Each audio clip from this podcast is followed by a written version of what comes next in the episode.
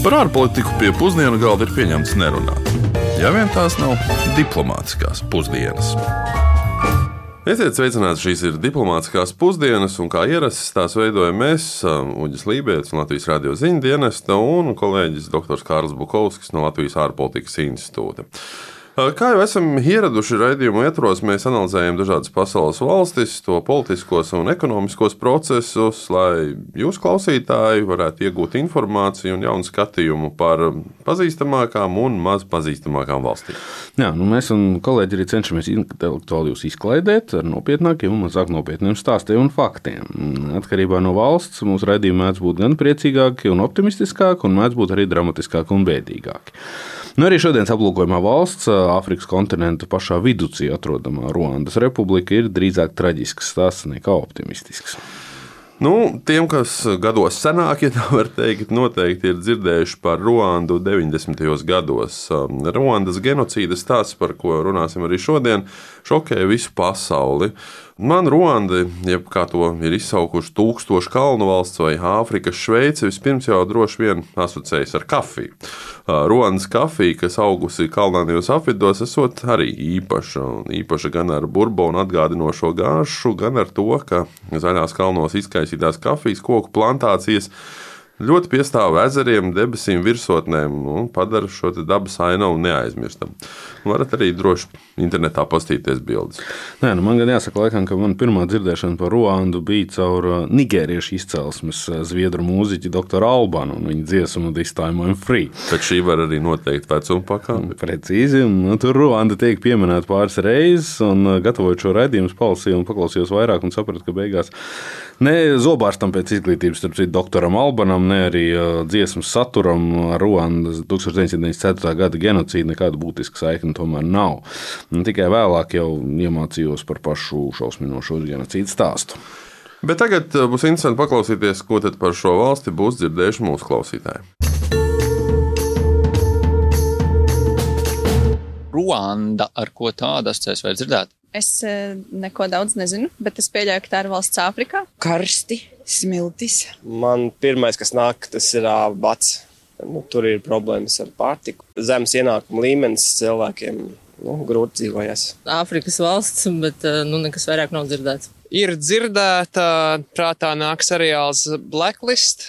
Es, man liekas, ka viens no varoņiem nāca no tās valsts. Izklausās pēc roņa jāatzīst, bet, nu, bet jā, es nemācēšu te pateikt, pirmo reizi tā dzirdu. Ruandā šobrīd dzīvo apmēram 13,5 miljonu cilvēku, un tie pieder trim pamata etniskajām grupām - Tutsi, Hutu un Tvā.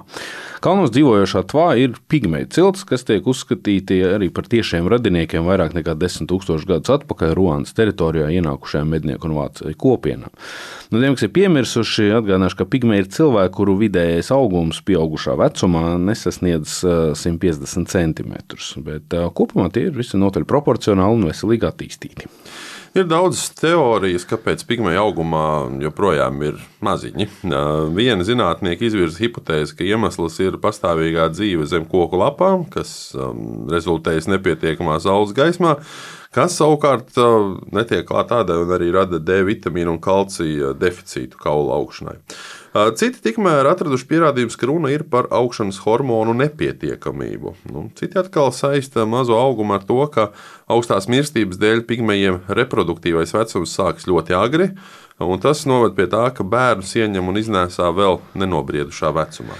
Nē, bet runājot par Ruandu, protams, ka centrālās etniskās grupas, par kurām ir jārunā, tomēr ir Tutsi un Hutu, un viņu vēsturiskās savstarpējās politiskās attiecības, kad pie varas ir vienas vai otras grupas pārstāvji, vairāk kārtīgi noved pie masveida vardarbības.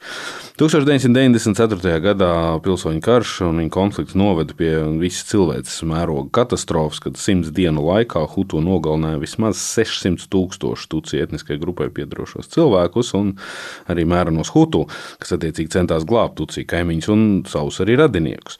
Lielākā daļa cilvēku tika nogalināta ar lētām no Ķīnas importētām mačetēm, ko Hutu ekstrēmisti bija ieveduši un izplatījuši pa visu valsti jau iepriekš, kā iegānstu izmantojot starp citu civilās aizsardzības stiprināšanu. Ar radiopropagandas palīdzību Hutu etniskās grupas piedarīgie tika tracināti, uzkūdīti jau labu laiku pirms šī genocīda sākuma, izmantojot vēsturisko nu, pārestību sentimentu, tā to varētu nosaukt. Nu, vienā brīdī valsts vadībā izveidojoties varas vakumam un šo te, nu, radušos noskaņojumu aktīvi izmantoja ekstrēmistiskākie Hutu karaspēku pārstāvji. Ne tikai nogalinot Tuciju un mērenos Hutu politiķus un militāristus, bet arī mudinot tik vienu Hutu nogalināt savu Tuciju kaimiņu, atņemt viņu īpašumu un izvarot Tucijas sievietes.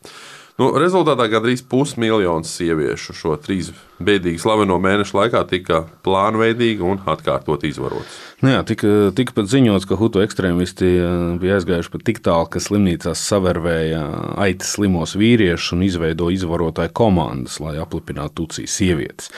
Nu, tas nemaz nerunājot par sieviešu reproduktīvo sistēmu, mērķiecīgu bojāšanu visdažādākajiem priekšmetiem. Un šī Ruānas genocīda brutalitāte, protams, šokēja visu pasauli. Trulā mērķiecīgā cilvēka nogalināšana viņu mājās, ciematos, pilsētās, cilvēkiem nesot pat iespēju paglāpties un patvērties skolās vai baznīcās, kas it kā parasti tiek pieņemts par patvērumu vietām. Tā radīja visnotaļ baisu sajūtu. Un, par Ronas genocīdu ir uzņemts vairākas filmas. Labākā no tām, manuprāt, ir tomēr nosaukumu viesnīca Ruanda, kurā neparādot uz ekrāna pašu vardarbību, bet tā vienlaicīgi rada visnotaļ biedējošu un bezcerīgu atmosfēru un ļauj saprast to nežēlības līmeni, kas tajā brīdī valdīja Ruandā.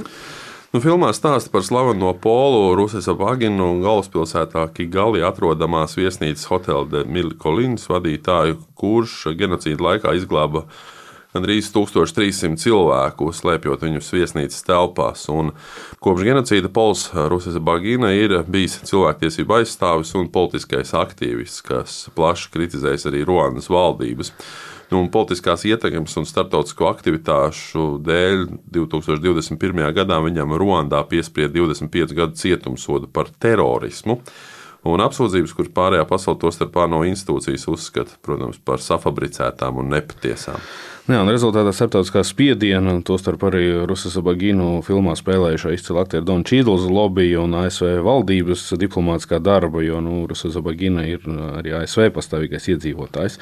Ruandas prezidents saīsināja Rusijas Baginas cietumsodu, un viņš tika atbrīvots no ieslodzījuma šī gada marta beigās. Bet par starptautisko sabiedrību un ANO runājot, Ruandas genocīda šausmas saistās ne tikai ar pastrādātiem noziegumiem pret cilvēci, bet arī šokējošo starptautiskās sabiedrības sabiedrības bezdarbību un faktisko ANO ilgstošo noskatīšanos uz masveida slepkavošanu. Un tādēļ par to, kādas mācības apvienoto nāciju organizācija guva pēc šī fiasko Ruandas genocīda laikā, to mēs vaicājām doktorai Gundai Rērei, kas pašlaik ir Latvijas Republikas ārlietu ministrijas parlamentārā sekretāre. Ruandas genocīda rezultātā tika nogalināti gandrīz miljons cilvēku, un tas radīja gandrīz 5 miljonus bēgļu. Apvienoto nāciju organizācija genocīdu nenovērsa, lai gan bija iepriekšēja izlūkošanas informācija par briestošo traģēdiju, nespēja iejaukties, lai gan bija izveidota miera uzturēšanas misija un arī neatrisināja. Proti, tas beidzās pats. Un man ir jāsaka, ka Ruandas genocīds bija un ir zīmogs visas starptautiskās sabiedrības nespējai un nevarībai. Tad kāpēc ANO izgāzās? Pirmkārt, misijai bija neatbilstošs mandāts. Tā bija klasiska miera uzturēšanas operācija ar miera līguma monitorēšanas uzdevumu, kur spēka lietošana atļauta tikai pašaizsardzības nolūkos. Lieta ir tāda, ka miera uzturētājiem neuzbruka bet viņu acu priekšā slepkavoja bez misijas mandāta iejaukties. Otrakārt, ANO lēmumu pieņemšanā neņēma vērā ne iepriekšēja izlūka informācija par briestošu konfliktu, ne informāciju genocīda laikā. Romeo Dalērs, misijas vadītājs, toreiz bez rezultātiem, lūdza mainīt misijas mandātu, bet viņa lūgumi e, bija saucēji balsu tuksnesī. Treškārt, valsts nevēlēšanās iesaistīties potenciāli riskantās situācijās, jeb tas, ko mēs dēvējam par politiskās gribas trūkumu. Ceturtkārt, naida runa un genocīda propaganda Ruandas rādio ir tikusi starptautiski atzīta par traģēdijas katalizatoru. Un tas ir arī mūsdienās vēl viens iemesls un atgādinājums, kā ar vislielākā nopietnības pakāpi ir jāmonitorē naida runas kurināšana publiskajā telpā. Piektkārt, ANO bairījās no situācijas definēšanas kā genocīda. Jāatgādina, ka genocīds līdz ar noziegumiem pret cilvēci, kara noziegumiem un agresijas noziegumiem ir viens no centrālajiem četriem starptautiskiem noziegumiem, ko izmeklē starptautiskā krimināla tiesa. Un visbeidzot, saskārt, genocīds apstājās pats, un ANO loma tā izbeigšanās faktā nav nekāda. Taču, lai izlīdzsvarot iepriekš minēto, ANO paveica ko vērtīgu tūlīt pēc tam. 94. gadā ANO drošības padomu izveidoja starptautisko Ruandas kara noziegumu tribunālu. Ja Nīderlandes un Tokijas militārie tribunāli pēc otrā pasaules kara radīja lielu pavērsienu atbildīgumā no valsts uz individiem, tad jaunākie tribunāli, tostarp Ronas tribunāls, jau virzījās projām no koncepta par uzvarētāja tiesu uz universālāku mehānismu atbildīgumu nodrošināšanai.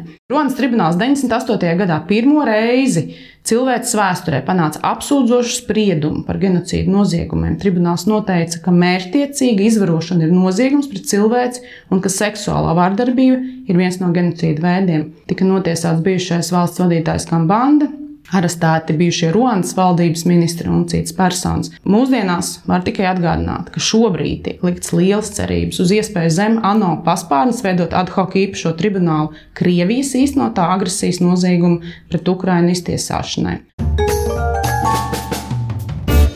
Kā ierasts pēc tam, kad esam apstījuši valsts politisko vēsturi, jāieskatās arī tajā situācijā, kādā valsts ir šobrīd, un arī tās saimniecībā. Un, kā jau nojaušat, nekas spīdošs Rondā nav arī šajā jomā. Valsts ir viena no nabadzīgākajām, tehnoloģiski un saimnieciski atpalikušākajām valstīm pasaulē, diemžēl, un um, valsts IKP uz vienu iedzīvotāju pēc pirktspējas paritātes nesasniedz pat 2300 eiro. Nu, atgādināsim, ka Latvijai salīdzinājumā šis rādītājs ir nepilnīgi 32,000. Jā, te gan jāsaka, ka Ronas gadījumā ekonomika kopš genocīda laika, šo 30 gadu laikā, ir pieaugusi gandrīz 8 reizes. Tajā laikā IKP uz vienu iedzīvotāju nesasniedz pat 300 eiro. Genocīda radītās sekas ir jūtamas visā Ronas sabiedrībā un ekonomikā, un valstī būtiski trūkst infrastruktūras, tostarp arī kalnu dēļ. Un vēl interesantāk, ka 90% iedzīvotāji nodarbināti lauksaimniecībā. Arī vienlaicīgi lauksaimniecības sektors veido tikai apmēram trešo daļu no visas valsts IKP. Nu, un, turklāt strauji iedzīvotāju skaita pieauguma dēļ ilgu laiku Rwandai vēl pie šīs situācijas ir bijis jāimportē pārtika no ārvalstīm. Iedzīvotāju skaita pieauguma tempi valdības politiku dēļ ir samazinājušies par divām trešdaļām kopš genocīda beigām. Bet tie tāpat ir viena no, nu, ja tā var teikt, naskākajiem pasaulē. Tādēļ pārtika var arī pietrūkt, sevišķi, ja valsts koncentrējas uz eksportējumās lauksaimniecības produkcijas ražošanu. Proti, Ruanda ir viena no lielākajām kafijas, tējas un banānu eksportētājām. Taču paši saprotat, ka šie ir produkti, ar kuriem vien tikai uzturēt veselīgu un pēdušu sabiedrību nav iespējams.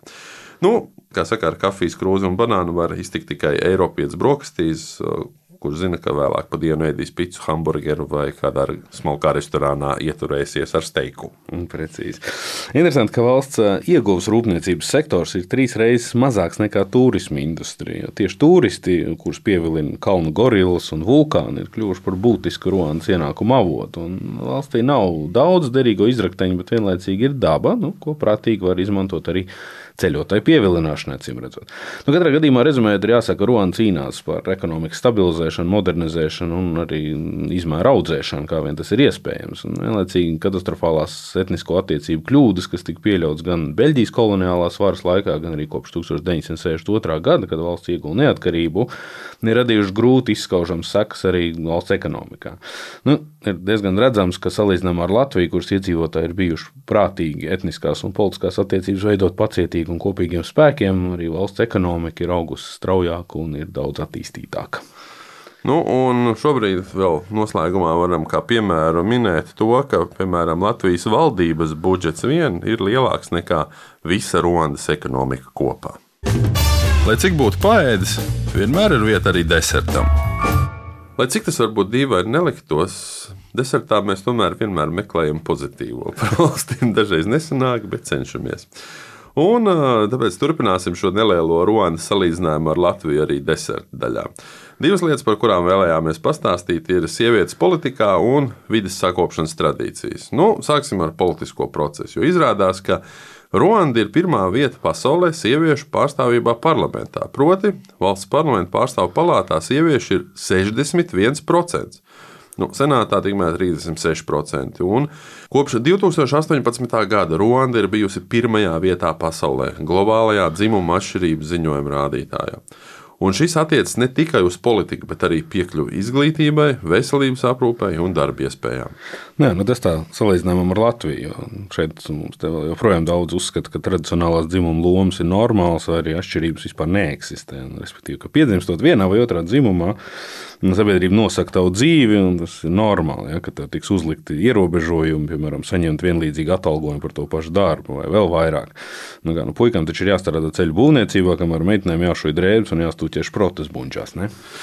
Nu, skarbi, bet trāpīgi. Un, ja mēs paskatīsimies uz Latvijas dzimumu rādītāju politikā, tad kvalitatīvā pārstāvība ir bijusi klātesoša, bet kvantitatīvā ziņā šobrīd parlamentā ir 30% sieviešu. Divreiz mazāk nekā Ruandā. Un vēl viena lieta, ko gribējām pieminēt, kur Latvija tomēr atpaliek no Ruandas, ir tas, ka Ruanda ir viena no tīrākajām vietām uz planētas. Un mēs pie sevis vienmēr domājam, ka esam ļoti zaļi, nu, lai arī mūsu sasniegumi ir bieži vien visai pieticīgi salīdzinājumā ar daudzām citām valstīm. Nu, kaut vai elementāra depozīta sistēmas ieviešanas. Nē, nu, mēs, piemēram, lepojamies arī ar savu ikgadējo talku. Nu, Turpretī arī pamatot lepojamies, tur to nevar noliegt. Bet Ruandā katra mēneša pēdējā sestdienā notiek šāda talka un ar nosaukumu Umuganda. Tulkojumā tas nozīmē kopā sanākšanu kopīga mērķa vārtā.